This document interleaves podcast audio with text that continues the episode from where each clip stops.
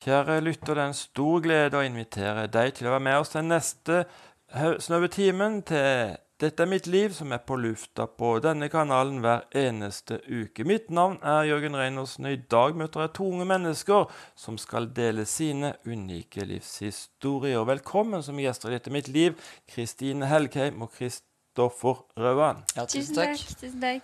Jeg tror vi skal gå rett på sak, og vi begynner med deg, Kristine. Nå befinner vi oss i Bergen by, men eh, det var i en annen by du hadde din oppvekst? Ja, det er sant. Jeg eh, vokste opp eh, på, først på Majorstuen i Oslo, og så flyttet vi til Nordstrand i Oslo. Så det er Oslo jeg kommer fra. Mm. Har du lyst til å fortelle litt fra barndommen din? Ja. Jeg har vokst opp med mor og far og en yngre bror. Um, ja, hva skal jeg fortelle? Eh, skolegang? Ja, skolegang. Ja, jeg har gått på skole. Eh, veldig fullført alt. det er bra. Eh, hva gjorde du etter videregående? Etter videregående så eh, dro jeg på noe som heter Hald internasjonale senter. Som er eh, en fagskole slash folkehøyskole i Mandal. Så eh, Ja. Og der er det også utveksling til et eh, et eh, land eh, langt borte. Si. Man kan velge mellom sånn Brasil og Madagaskar og alt mulig rart. Jeg dro til Kenya et halvt år. Du har meddelt meg at det var på papiret at du var en aktiv kristen. Du hadde vokst eh, bort fra en relasjon med Gud, du må fortelle. Mm. Ja. Eh, jeg vokste jo da opp med en far som er kristen, og en mor som ikke er det. Eh, og jeg har på en måte hele livet vært litt dratt mellom de to verdenene og ikke helt klart å bestemme meg. Jeg, tror på en måte at eh, hvis du ligger mellom disse to, da, mellom på en måte ikke-kristen verden og kristen verden, så blir du litt for kristen for den verden, og så blir du litt for verden for kristen verden, hvis det gir mening. Og at jeg har vært litt der. Men jeg ja, trodde alltid på Gud som liten, og så eh, ble jeg mer og mer aktiv i kirka etter hvert. For jeg innså at, eh, at, eh, at, det må være noe der. Jeg trodde veldig på det. Jeg er litt pappajente også. Jeg trodde på det pappa sa. Og eh, var eh, Så jeg har alltid likt å synge og sånn, så jeg var liksom aktiv i lovsang. da, liksom Synge i kirker og forskjellig. Så i Den norske kirke så var jeg komfleder og alt mulig rart. Men den personlige relasjonen med Gud der hvor, som jeg har nå, da, der hvor jeg ber til han, og der hvor jeg leser Bibelen og, og ja, kjenner at han er eh, til stede og snakker med han om alt. Det, det var ikke der da. Eh, og da jeg dro til Kenya, så ble det veldig tydelig for meg hvordan eh, jeg kanskje gjorde veldig mange kristne ting og var på en måte snill pike på papiret, men, eh, men det som egentlig teller, da, det å kjenne Gud, det, det var ikke på plass. da, og Det merket jeg spesielt der borte. Kan du fortelle noen opplevelser fra Kenya? Jeg bodde f.eks. sammen med en eh, kristen student, eh, kenyansk kristen student i tre måneder. Oss to i en leilighet. Og hun våknet opp hver morgen og ba høyt ut til Gud. Og jeg var liksom, aldri hørt noen be høyt sånn. Jeg var helt satt ut. Jeg, var, og jeg be inni meg. Men eh, om jeg gjorde det som jeg. Jeg sovna vel før. ja. Og så hadde hun liksom Hun opplevde bønnesvar, og nei, Gud sa dette til meg, og masse sånn. Og jeg var sånn Å ja, Gud sier ikke så mye til meg. Og tenkte jeg, og så var det også det at de var liksom De sa mye sånn I love you, Lord. Og jeg tenkte sånn Jeg elsker faktisk ikke Gud hvis jeg går dypt inn i meg selv. Jeg ville ikke si noe til Gud som ikke var sant. Så jeg sa jeg er glad i deg. og jeg håpet jeg kunne elske han en gang. For jeg, jeg, visste jeg måtte det, men jeg visste ikke helt hvordan det var mulig. Du forteller hvordan den troen ble levende igjen. Ja. Eh, nei, si det. Det er, Gud som, det er Gud som gjør alt. Virkelig. Jeg gikk rundt i tiden etterpå og lurte på hvordan er dette mulig at jeg har gått forbi nesen min. Eh, men eh, Nei, det var vel egentlig en del ting som skjedde året etterpå. Og jeg gikk dypt i meg selv og skjønte at eh, alt det jeg eh, jager etter å gjøre her, eh, har ikke så mye å si. Og det er ikke det som måte, si, tilfredsstiller. Og så var det en dag, en natt faktisk, i en, eh, i en bil i Vennesla, faktisk, kjørende mellom Vennesla og Mandal, at jeg ja, klokka var to på natten, og det regna, og jeg var liksom nede. Og så tenkte jeg nå skal jeg be høyt til Gud. Så jeg begynte å snakke med Gud i denne bilen. Eh, og så begynte jeg å Plutselig, jeg tror Nå når jeg ser tilbake på det, så tror jeg ånden virkelig ledet meg i bønn. da, eh, som man kan si. Men eh, ja, da begynte jeg å bekjenne alt i livet mitt, egentlig. Begynte å bekjenne alt jeg tenkte at dette var ikke godt. Så begynte jeg å bekjenne ja, hvordan hjertet mitt var, på en måte, at jeg ikke kunne elske Gud og sånne ting. Og så ba jeg helt konkret om et nytt hjerte, som jeg hadde hørt noen be om før. Eh, og så mm, var det også det at det, plutselig mens jeg ber, så får jeg liksom en sånn hva skal jeg si, åpenbaring av at eh, av evangeliet. Det at jeg hadde egentlig, det er som Gud viste meg at jeg hele tiden har trodd at det handlet om hva jeg gjorde. At jeg var snill og aktiv kristen. Eh, at det var det som gjorde at Gud elsket meg.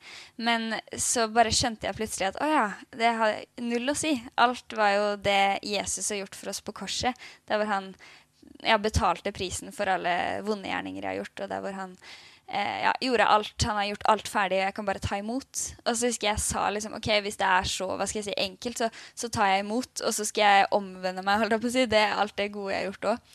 Eh, for det jeg har ikke noe å si. Det er ingenting i dine øyne. Fordi, ja. Så det var en sånn samtale. Eh, og dagen etterpå så var jeg helt ny. Og det var så rart, fordi jeg trodde jeg på en måte var så kristen. Men jeg gikk rundt eh, ukene etterpå, jeg syntes gresset var grønnere, og jeg gikk sånn eh, nyforelska si, rundt omkring og var helt sånn eh, i hundre. Jeg klarte ikke å forklare noe annet enn at Og det eneste jeg hadde lyst til, var å lese Bibelen og be. sånn. Og fortelle folk om Jesus. Mm. Ja, fantastisk. Eh, hvordan eh, påvirka denne fornyelsen din, eh, dine omgivelser? det ble veldig tydelig for folk og venner og sånn. Jeg har veldig mange ikke-kristne venner òg. Så, så, det ble veldig sånn Det ble en større avstand mellom oss. Men samtidig har jeg også fått veldig mange nye relasjoner med, med andre eh, venner som er nære nå. Det påvirket også veldig at jeg Altså alt jeg ville, var å fortelle folk om at Jesus er sann. For jeg hadde fått sånn ja, Det skjedde forresten også noe dagen etter den eh, bilturopplevelsen. At det, var folk som delte bilder med meg. Var som var veldig sanne bilder av meg. Jeg var sånn Wow, Gud ser meg, for dette kunne ikke de visst. Så jeg liksom visste at Gud er en Gud som ser, og han, han er levende. Eh, så jeg ville liksom si det til alle. Så Instagrammen min er fylt opp av eh, videoer av meg selv og bibelvers og sånn, der hvor jeg sier at Jesus er sånn, og forteller evangeliet og sånn. Og, ja, det, det, ble, det, ble, nok mye for folk rundt, men jeg har også opplevd at det har vært eh, det har vært altså mange vitnesbyrd å fortelle, mange ting å fortelle om at dette har Gud gjort i mitt liv. Og dette har Gud gjort. Og folk har blitt litt sånn Oi, wow, er det mulig? Så det er gøy. Mm. Mm. Nå er du student. Ja. Du må fortelle hva du studerer. Jeg studerer sammenlignende politikk. Eh, en bachelor på UiB. Mm. Det høres avansert ut. ja, det, ja det, det, er litt spennende. Eh, men det er ikke helt politisk eh, eller det er ikke helt politikk jeg skal drive med resten av livet, tror jeg. Jeg er ikke så interessert i akkurat det. Men uh, jeg er en av de få kristne på studiet. Eller jeg tror jeg er den eneste kristne på, på mitt trinn. da. Og uh, det var mye av det som gjorde at jeg starta. Jeg, hadde bare lyst til å være student egentlig, og møte på folk som kanskje ikke til vanlig menger seg med kristne folk. Og at jeg kunne være et, en stemme der, da. Mm. Ja, hvordan er det å være en kristen i studentmiljøet her i Bergen? Her i Bergen er jeg veldig velsignet med at det er et stort uh, studentmiljø med veldig mange gode folk, masse bra kirker. Kirkene her i Bergen, de lederne der går faktisk sammen og ber for, uh, for byen en gang i uka. Og uh, masse studenter, mye fellesskap. Veldig, veldig bra. Er du med i en kristen studentforening eller lignende? Jeg er med i laget, som er ja, en kristen studentforening. Ja, så vi leser litt Bibel på, på studentsenteret og på ja, fakulteten og sånn. Mm. Har dere noen eh, virkemidler dere bruker for å nå medstudenter med evangeliet? Mm, ja, vi har noe som heter Skepsisuken. Eh, hver en uke i februar hvert år. Der hvor vi har Grillen kristen, som det heter. som er sånn at man kan, Det er et panel med kristne, og så kan folk rekke opp hånden og stille de rareste spørsmål de ikke hadde turt å spørre en kristen om før. Og så ja, forklarer de kristne hvordan det og det er mulig. Kan du tro på Gud og vitenskap? Kan du ditt og datt? Og det er veldig mye sånn vrangforestillinger om troen som da blir brutt ned, som jeg syns er veldig fint. Jeg har vært med på det flere ganger. Du er også engasjert nå i Den norske kirke i Fyllingsdalen. Mm. Du må fortelle hva du gjør der. Jeg er komfundviser, komfunderviser, eh, og det er kjempegøy. Jeg ja, er veldig sånn tydelig på at Gud er levende. Jeg vokste jo opp i Den norske kirke selv og er veldig velsignet med, eh, med det. Men samtidig så opplevde jeg også noen ganger at, at, det ikke var så tydelig hvordan Gud faktisk virker i dag. Da. Så, og det med tydeliggjøre evangeliet. Så det er veldig, veldig påpasselig på med konfirmantene mine. Så det, det, er veldig gøy. Mm. Misjon uten grenser er også noe du er engasjert i. ja, alle som hører på, søk opp Misjon uten grenser. Det er en veldig bra misjonsorganisasjon. Jeg er ikke bias i det når jeg sier det. Det er en organisasjon som jobber med eh, bistand og misjon til eh, eh, land i Øst-Europa. Seks fattigste land i Europa. Eh, og vi gir liksom vi gir, ja, vi gir det materielle og det åndelige, da. Ja, veldig fint. Også Kirken SOS. Ja, det er også veldig, veldig spennende arbeid. Det er eh, folk som, som sliter, og som ringer inn og trenger noen å snakke med. Eh, så jeg tar det, nattevakter der. Eh, for jeg er et nattemenneske, så da er det bare gøy. Hvis det sitter noen som sliter og kunne trenge noen å prate med, hvilket telefonnummer er det? Det er 22 40 00 40. Så kan jeg si det igjen. 22 40 00 40. Så det er det bare å ringe. Åpent hele tiden. Veldig bra, Kristine. Det er programsendet er Mitt liv som er på lufta. Mitt navn er Jørgen Reinersen. I dag er jeg i Bergen og tar en prat med Kristine Helgheim og Kristoffer Rauan. Vi skal høre mer fra Kristine etter hvert, men nå, Kristoffer, skal lytterne få en mulighet til å bli kjent med deg. Så kjekt, da. Du, ja, du har ikke helt den rette bergensdialekten, du heller? Nei, du, vet du hva? Jeg, jeg, er, fra, fra Oslo-området. Eller det vil si, eh, mamma og pappa Eller mamma studerte da jeg var liten, så vi bodde mange forskjellige steder. Kanskje sju forskjellige steder, har jeg kommet frem til. Ja, du har fortalt meg at du har svart belte i, å være kulturforvirra. Du må fortelle. Ja, min, min mor er fra Filippinene, og min pappa er fra Norge. Så hjemme så snakker vi et, et, noe som er en blanding av eh, Det er vel tre Ja, det blir vel norsk, engelsk, filippinsk og et annet Ja, fire forskjellige språk, da. Mm. Eh, så jeg vokste opp med mye forskjellige folk rundt meg. Mm.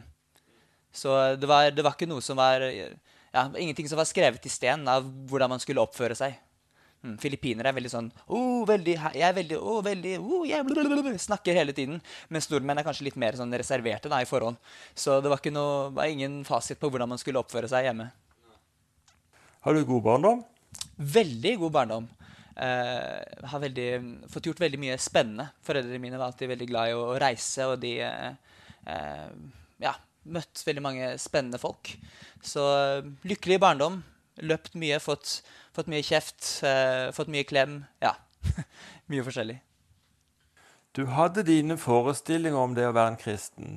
Så jeg må bare si som det var. Ja, nei, jeg, jeg har jo for det meste i løpet av livet mitt hatt en teoretisk tro på at det eksisterer en gud. Eh, for det aller meste. Men eh, jeg hadde jo ikke noen, noen kristne rundt meg. Eh, og jeg tenkte ah, kristne, det må, for en gjeng med raringer. Alle er fra Sørlandet, alle strikker. Det er ikke noe ikke, Altså, veldig kjedelige folk, tenkte jeg. Jeg jeg tenkte at uh, jeg kan kanskje ha en teoretisk tro på Gud, men, men det å leve sånn som de, det var, det, det var ikke fristende i det hele tatt. Da måtte det skje et mirakel. Og det gjorde det etter hvert også. Det må vi komme tilbake til her.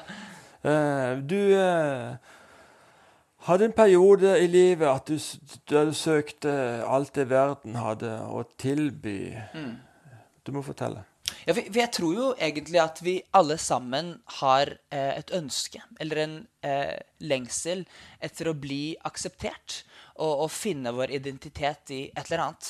Så for meg da, så var det det å, det å være god på skolen, for eksempel, da, det var åh, jeg skulle bli best. For jeg har sånn voldsomt konkurranseinstinkt. Jeg skulle bli best på skolen, og eh, jeg skulle bli, skulle bli godt likt. Og, eh, og det, var, det var mye av det jeg satt min identitet i. da, alltid tror ikke jeg er blitt på en måte forhatt.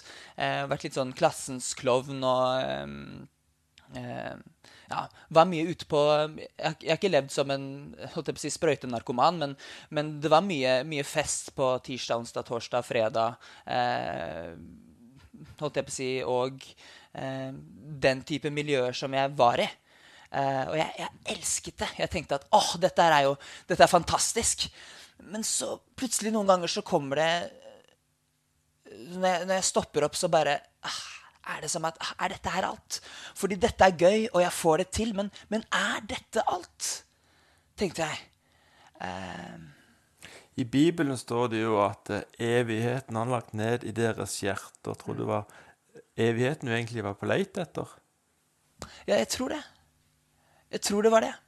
Jeg tror det var det og følelsen av det å kunne få, få komme hjem. Det å ikke selv måtte jobbe og streve for å føle at man har verdi. Fordi at hvis jeg er veien, sannheten og livet i mitt, i mitt liv, da Hvis jeg er den som, eh, som, er den eneste som kan gi mitt eh, liv verdi eh, ved det jeg gjør, så er jo det et voldsomt ansvar. Det var ikke det at det var sånn overhengende eh, og at jeg tenkte på det hele tiden, men, men det var nå det tankene mine sikkert var bygd på, da. Den forestillingen. At det er en sunn måte å leve på. Lyktes du med alle de målene du tok deg fore? Ja, på sett og vis. Eh, men en dag så blir jeg med på et møte, og så blir jeg bedt for. Og jeg begynner å og plutselig så kommer det ned, liksom det renner en tåre ned. Og jeg bare Dette her er ikke noe jeg gjør, for jeg gråter ikke foran folk. Eh, jeg, jeg, jeg, jeg viser ikke følelser på den måten. Og da var det som om hele livet mitt bare falt i tusen knas. Eh, det, var, det, var, som om jeg skjønte at eh, Jesus sa til meg at Eller det var, det var, noen som sa til meg at Hvorfor gjør du dette her? Ikke en sånn fordømmende 'hvorfor gjør du dette her', men sånn 'Hvorfor gjør du dette her? Jeg, jeg har noe så mye bedre for deg enn dette'. Og jeg skjønte da at dette her må være Jesus. Jeg skjønte at jeg ikke kunne fortsette å leve på den måten jeg gjorde men at jeg måtte gi mitt liv til ham. Ikke bare tro på ham, men også gi mitt liv til ham. Og livet har jo ikke vært det samme siden det. Det, det er det smarteste valget jeg har gjort. Eh, du sier du kunne ikke leve sånn som du levde, du måtte ta et oppgjør med synden. Ja, det måtte jeg. Eh, men det var ikke på en måte det at jeg behandlet folk noe ille og, og var en sånn skikkelig uh, douchebag, da, man kan bruke det norske ordet. Men, men jeg tror det var mine måter å tenke på da, som ikke uh, var riktig i forhold til, eh, man, ja, i forhold til Guds ord. da. Men det ble en radikal omvendelse, kan vi si det? Det, det ble det. Mm. Plutselig så fikk jeg helt andre interesser. Språket altså jeg, jeg, var veldig grov i kjeften. Det var på en måte en av de tingene jeg ble kjent for. Eh, men eh, eller, ja.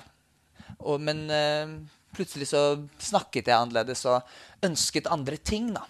Og også eh, så folk i et helt annet lys. Var mindre brutal og litt mindre slem med folk i, i mine tanker. Mm.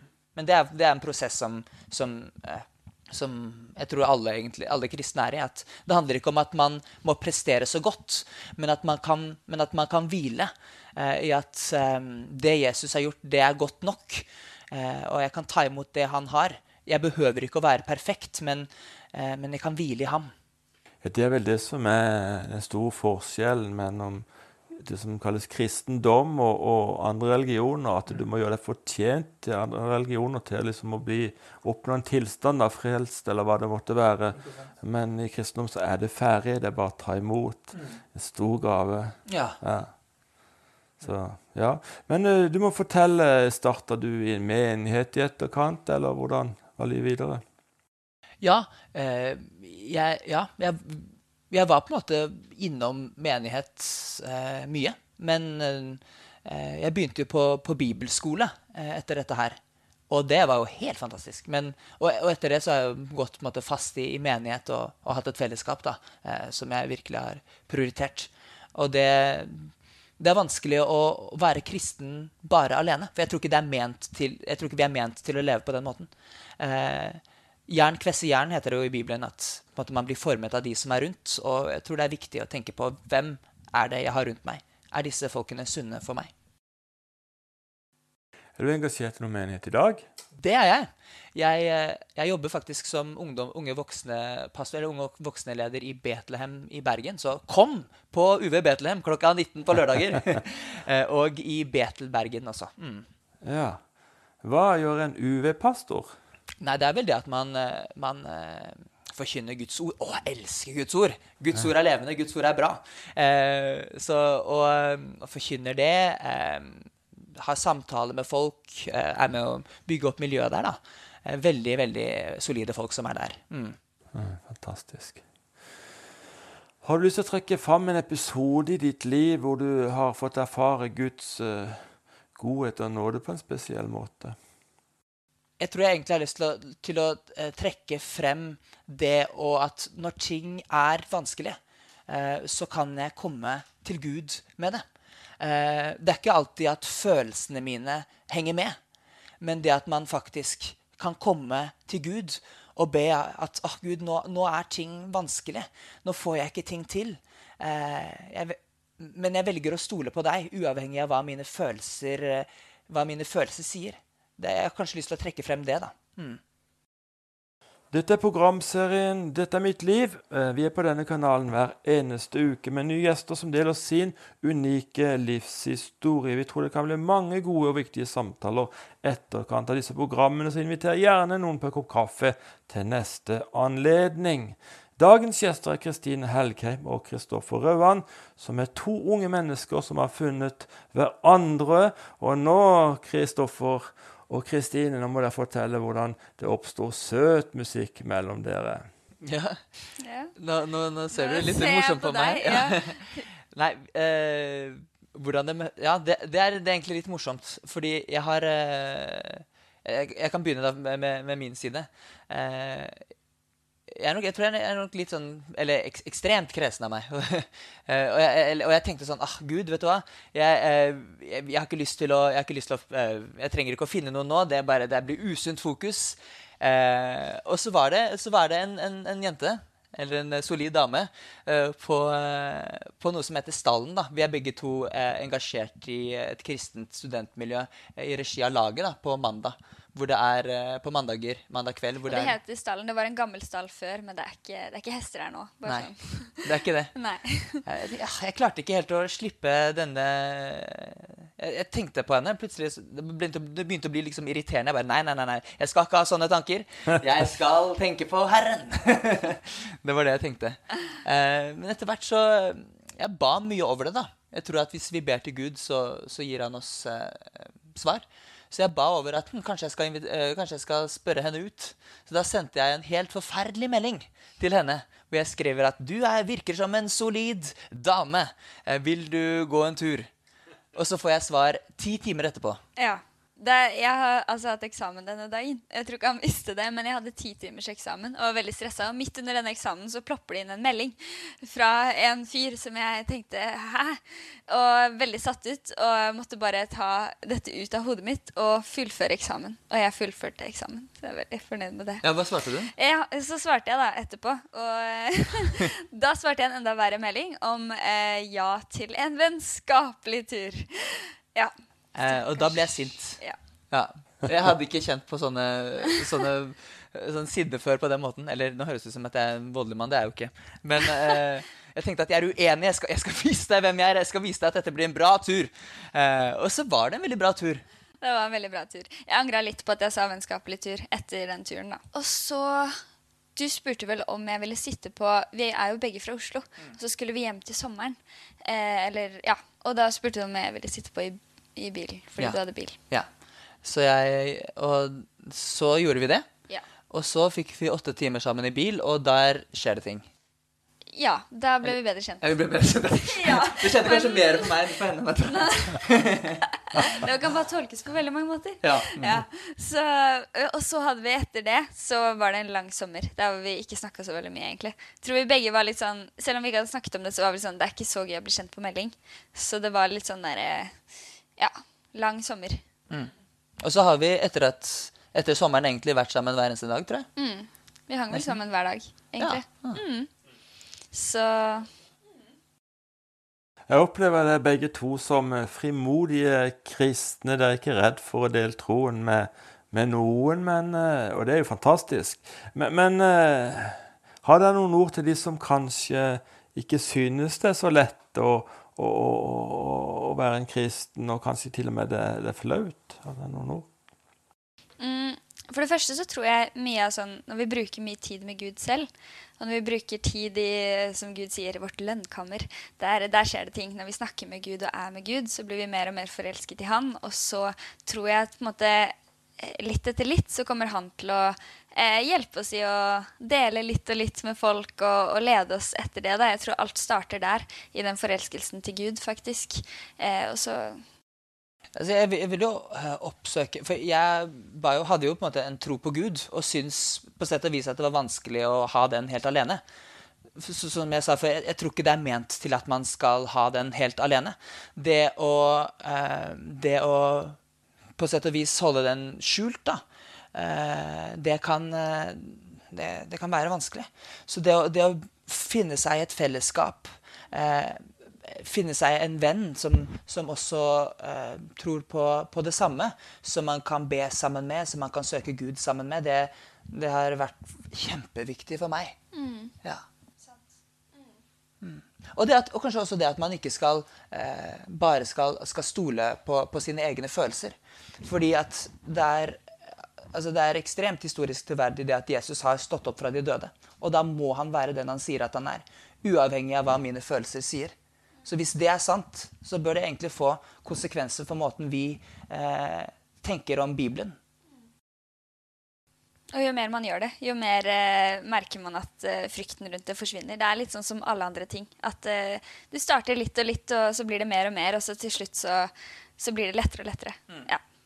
Som å lage mat og andre ting. Kristoffer, du er jo eh, snart utdanna lege. Ja, ikke sant? Hvordan eh, blir du mottatt blant dine kolleger i studentmiljøet? Jeg tror mange der kjenner meg fra, fra før jeg ble kristen. Eh, og eh, eh, det er et veldig åpent og, og inkluderende miljø. Selv om veldig mange er kjempeuenig i, i det at det finnes en gud. Og egentlig er eh, ekstremt kritisk til alt som har med Jesus å gjøre. Eh, jeg føler at jeg er eh, at jeg er godt tatt imot, selv om kanskje meningen min ikke alltid er så veldig populære. da. I skolemedisin er du åpen for den åndelige dimensjonen? Ja, altså vi, eh, Som lege, da, eh, så skal man jo eh, Så er vi jo skal man jo på en måte både tilrettelegge for folks fysiske helse, men også det som går på det sjelelige. Og det tror jeg ofte ikke blir eh, tatt eh, så seriøst, altså den andre delen. da. Det at for mange så er det å ha en kristen tro viktig. Eh, og det må man jo også tilrettelegge for. Så selv om det kanskje ikke er praksis, så burde det være sånn. Eh, Du studerer jo på et annet studiested enn Kristine. Eh, Har dere noen aktiviteter for å nå mennesker som ikke tror? Ja, vi, eh, vi møter jo ofte eh, folk sammen. Vi snakker ofte med folk sammen, og vi, vi ber mye sammen. Vi, vi har vært ute på gatene og bedt for folk og snakket med folk. Eh. Det er mye av det vi bruker vår tid på, faktisk. Det er jo gøy. Det vi alltid gjør når vi, når vi er sammen, er å lese Bibelen og be. Og så gjør vi andre ting òg, men det er alltid det som er på førstepri, da. Det er det. Det er veldig gøy. Og som, som du sa, jern kvester jern. Det er liksom Når jeg ser måten du lever ditt liv på med Gud, så blir jeg også inspirert på de og de områdene, eller utfordret på de og de områdene. Og så, ja, så det er veldig fint. Mm. Har dere en hilsen til de som akkurat nå opplever livet som tøft og vanskelig? Ja. Ehm, ja, jeg vil vel egentlig si at, eh, at Gud er, eh, er en god far som har omsorg for oss, og han ber oss kaste all vår bekymring på han som har omsorg for, ham, eh, for, dem, for oss. Ja. Ehm, ja, at Gud er med, selv når det ikke virker sånn. Ikke stole på følelsene dine. som du sier. Ehm, ja. Ja, jeg vil også trekke altså, Det er en, en person i Bibelen som er veldig i tillegg til Jesus, som er veldig glad å lese om, og det, det er Paulus. Han har på en måte oppnådd alt det man kan. Han, måte, han er fra den riktige familien, han har riktig borgerskap, og han er en religiøs autoritet, og alle ser opp til han. Han har oppnådd alt det man kan. Eh, og, så, og han hater Jesus og forfølger ham. Men plutselig en dag så møter han eh, Jesus. Eh, og dette sier han om det nye livet som han har fått i Jesus, altså i sammenligning med det gamle han har. Og, han hadde, og det leser vi om i Filippebrevet 3,7. Men alt det som var en vinning for meg, det regner jeg nå som tap for Kristi skyld. Ja, jeg regner alt som tap sammenlignes med det som er så mye mer verdt, kunnskapen om Jesus Kristus. På grunn av han har jeg lidd tap på alt, og jeg regner det som søppel. Så i sammenligning med det han før hadde, så eh, er det å kjenne Jesus veldig mye mer verdt. og at eh, vi kan streve så mye som vi vil i denne verden, men, men i sammenligning med det å møte Jesus og det å kjenne ham og det å være hans barn, så, så er alt annet eh, søppel i, i sammenligning. Og, og, jeg tror at hvis Gud er den han sier at han er, så ønsker han å møte deg. Han har gode tanker for deg. Han elsker deg. Og du må bare eh, ta ham imot. Og det står også 'la ikke deres hjerte bli grepet av angst', mm. men tro på Gud og tro på meg. I min fars hus er det mange rom, og var det ikke det, så hadde jeg ikke sagt det til dere. Mm. Det syns jeg er veldig sterkt vers. Det er la, bare tro på Gud og tro på meg, og tro på at han har en plass for deg, og et sted som han har forberedt for deg. Nydelig. Kristoffer, eh, eh, du sendte meg noe bakgrunnsstoff. Eh, Eh, før, eh, sånn at jeg kunne gå igjennom og skrive et intervju med dere. Der skrev du at du var hodestups forelska i Jesus. Hva, hva er det? det? det? er vel det at eh, den pakken som, som, han har gitt oss, da Det at vi faktisk slipper å bære på skam, men at vi kan gi alt det vi har, til Jesus. Eh, det, altså å få tilgivelse. Eh, og hvile i at det han har gjort, det er nok for oss, nok for evigheten. Åh, Det er så fantastisk. Eh, det er nesten for godt til å være sant. Men det er jo sant. Eh, og det, det, er jeg så takknemlig for, og det takker jeg ham for hver eneste dag. Hmm. Har dere opplevd noen bønnesvar dere har lyst til å dele med lytterne? Ja, det syns jeg er alltid veldig gøy spørsmål. Det er mange Gud svarer på veldig mange konkrete ting og, og veldig sånn små ting, på en måte. Og, og, mange store ting som er litt sånn wow. En ting som Gud noen gang gjør, er at han minner oss på ting som vi kan be om. Og så, eh, så skjedde en gang at det var i fjor, så begynte jeg plutselig å be for broren min. Og så ba jeg en litt sånn rar bønn, for jeg ba om at han ikke skulle bli hardt skadet eller dø. Og jeg tenkte sånn Dette er litt rart. Men jeg bare ba for det, for jeg tenkte at dette må jeg be om. Og så dagen etter så ringer mamma, og så sier hun sånn Ja, eh, er du et ja, bra sted, trygt sted, sitter du ned, liksom. Og jeg bare, ja, ja. Og så eh, bare sier hun at det, det, går helt fint med broren din, men eh, han var i en bilulykke i går. Og de kjørte i 80 km i timen inn i, inn i en vei Hva heter de på siden av veien? Sånn eh, Autovern? Autovern, ja.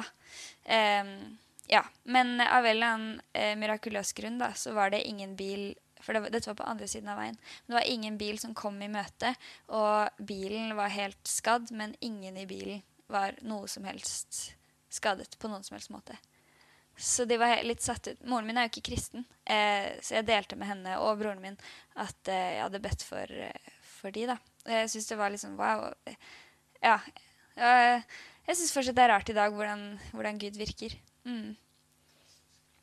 Eh, og så har det også skjedd at eh, jeg er veldig glad i å reise. Eh, så var jeg i Kenya i fjor, eh, desember, for å dra i bryllup til en venn og en, eh, og en venninne der. Eh, og det er mange bønnesvar jeg kunne delt fra den turen, som at jeg fikk visum eh, på en natt, eh, f.eks. Og møtte opp på flyplass i Nairobi og håpet på det beste. Eh, eh, men så var det også sånn at det var omikron-sesong, holdt jeg på å si. Og jeg og venninna mi fikk omikron der nede. Og da kunne vi ikke komme oss tilbake igjen til Norge. Eh, så vi ble sittende over jul, noe som vi egentlig ikke skulle. Eh, vi skulle hjem til jul. Um, men håpet var da å komme seg hjem til nyttårsaften. Men ambassaden i Norge sier at uh, dette her er, kan vi ikke hjelpe dere med. Dette her er umulig. Dere må ha en negativ test. Covid-test. Og flyplassen i Nairobi sier at vi må ha en negativ covid-test, og alle sier negativ covid-test. Og vi tenker det er jo umulig, eh, nesten. Fordi at uh, da kan man bli sittende der i uker og måneder. Og moren min er sykepleier, og hun sa at uh, hun hadde jo ikke noe håp da. Fordi at det på en måte nå kan jo du mer om dette enn meg, du som er lege, men det sitter igjen i kroppen, da, det covid-greiene. sånn at hvis du tar en sånn ordentlig PCR-test, så vil det vises lenge etterpå. Mm. Eh, sånn at, men vi eh, ba for dette. Og etter tre dager, eh, når vi følte oss litt bedre, så sa vi sånn at vi skal ha covid-test. Eh, og så får jeg plutselig en melding fra en venninne som ikke vet hva jeg står midt oppi, for vi har ikke snakket sammen på en god stund, og hun sender noen bibelvers og at hun hadde bedt for meg og fått dette og dette. Og da går vi skikkelig tro etter det bibelverset. Da er vi sånn wow, for det sto noe sånn om at vi måtte tro. og jeg bare wow, nå skal vi tro. Og så begynner vi å be for dette, at i dag skal vi ta covid-test, og den skal være negativ for begge to. Så vi begynner å be sammen, og så er det liksom sånn mens vi ber, så bare kjenner jeg liksom tårer trille nedover. Eh, og så bare kjenner jeg sånn Jeg må takke Gud nå for et mirakel. Så jeg var sånn Vi må takke Gud! Så vi begynner å takke Gud og prise Gud for det han har gjort, før vi i det hele tatt har tatt testen. Og så når han testpersonen kommer inn på rommet vårt for å teste, da, for her i Kenya så var det sånn du måtte bestille. Um, ja, Så kommer han inn, og han sier sånn Å ja, det er dere. Dere tok jeg jo test på for litt siden. Og han hadde jo null tro. Og jeg bare Nei, vi har bedt Jesus. Det kommer til å være negativt. Og han var sånn Ja, OK, crazy white ladies her. Men ja. Eh, og så tok vi testen, og så gikk vi i tro. Og så på kvelden den dagen så fikk vi faktisk begge to negativ PCR-test. Og vi kunne dra hjem dagen etterpå. Og forsikringsselskapet dekket liksom alt. Og vi fikk til og med sånn lounge i, i København. Så Gud er god. Mm. Har du også Kristoffer, noen bønner som du har lyst til å dele? Mot slutten av, av bibelskolen eh, så jeg skulle tilbake til Bergen, og jeg hadde ikke noe sted å bo. Og det var plutselig bare en måned eh, under en måned til jeg skulle tilbake. Eh, og så opplevde jeg Og jeg, jeg, jeg ba, da. Og så opplevde jeg å høre at Eller Neste uke skal jeg gi deg et sted å bo. Jeg trodde, ja, men, men, jeg tenkte dette er veldig rart. Men jeg tenkte ja, kanskje det er Gud. Så jeg lette ikke etter noe sted å bo. Og neste uke så fikk jeg melding av han som jeg bor med, som heter Moses. Det er veldig gøy. Jeg flytta da inn med noen som heter Moses og David. Så det høres ut som det kristne kollektivet. Og nå har Jefta flyttet inn, da, så det er jo enda bedre. Eh, med alle, alle, tre navnene. Så, ja, mm. så, er, så, da fikk jeg et sted å bo, faktisk. Mm. Og han kjente ikke deg fra før? Jeg kjente ingen av de fra før nei.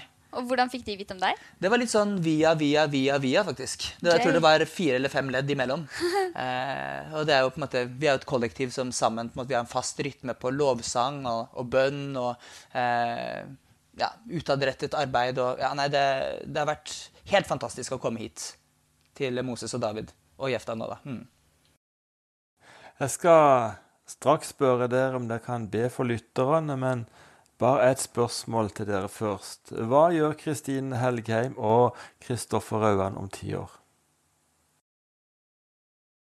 Altså, jeg håper at, uh, at, jeg tjener Gud på den måten som han har kalt meg til. Jeg håper at uh, jeg får se Gud berøre mennesker rundt meg, og at folk rundt meg får se at Gud er en levende Gud. Jeg håper at hans vilje skjer. I, i Bibelen så, så forteller Eh, Jesus en lignelse eh, til en eh, Eller han forteller ikke en lignelse, men han snakker med en rik mann som sier at at gå selv alt du eier, og følg meg. Nå, tror jeg ikke nødvendigvis at det er det jeg skal gjøre. Jeg si, bare, I dag skal jeg sende alt jeg har på Finn. Men at, eh, at jeg er villig til, til, å gi alt for Jesus. da. Jeg håper at det er der jeg er. Hmm. Veldig bra. Vil dere også be en bønn for de som lytter på dette programmet?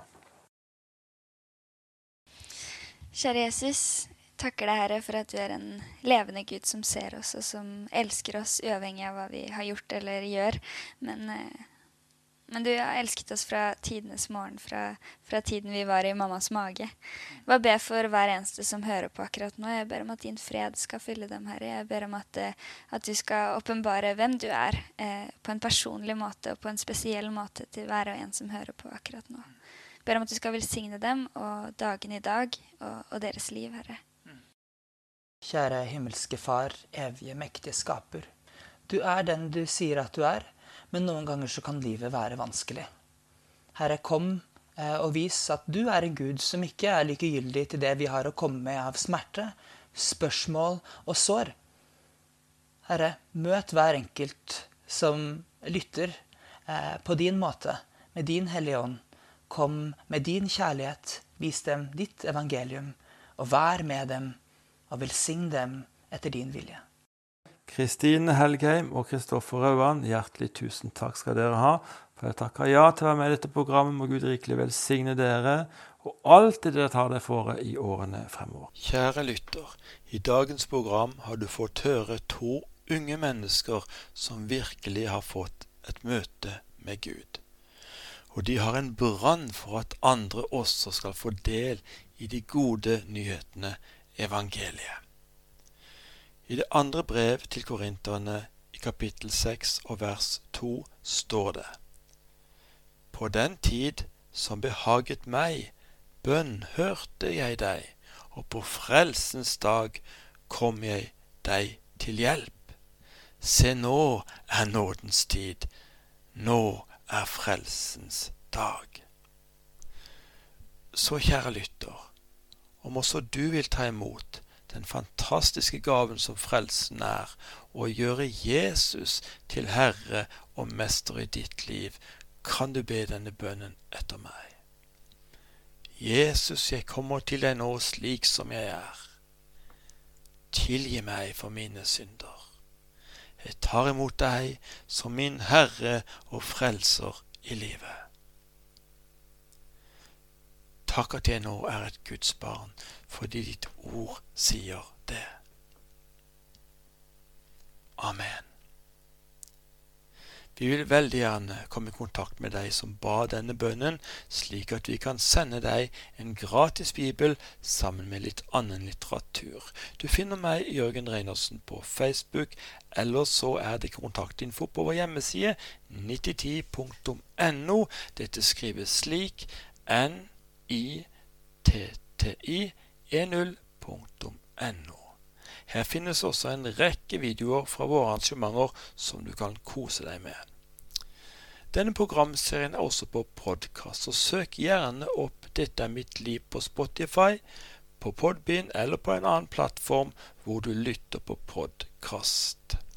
Neste uke er vi igjen på denne kanalen med en ny gjest eller to som deler sine unike livshistorier. Håper vi høres igjen da. Husk, kjære lytter, du er høyt elsket av Gud. Du er unik. Det finnes bare én som deg.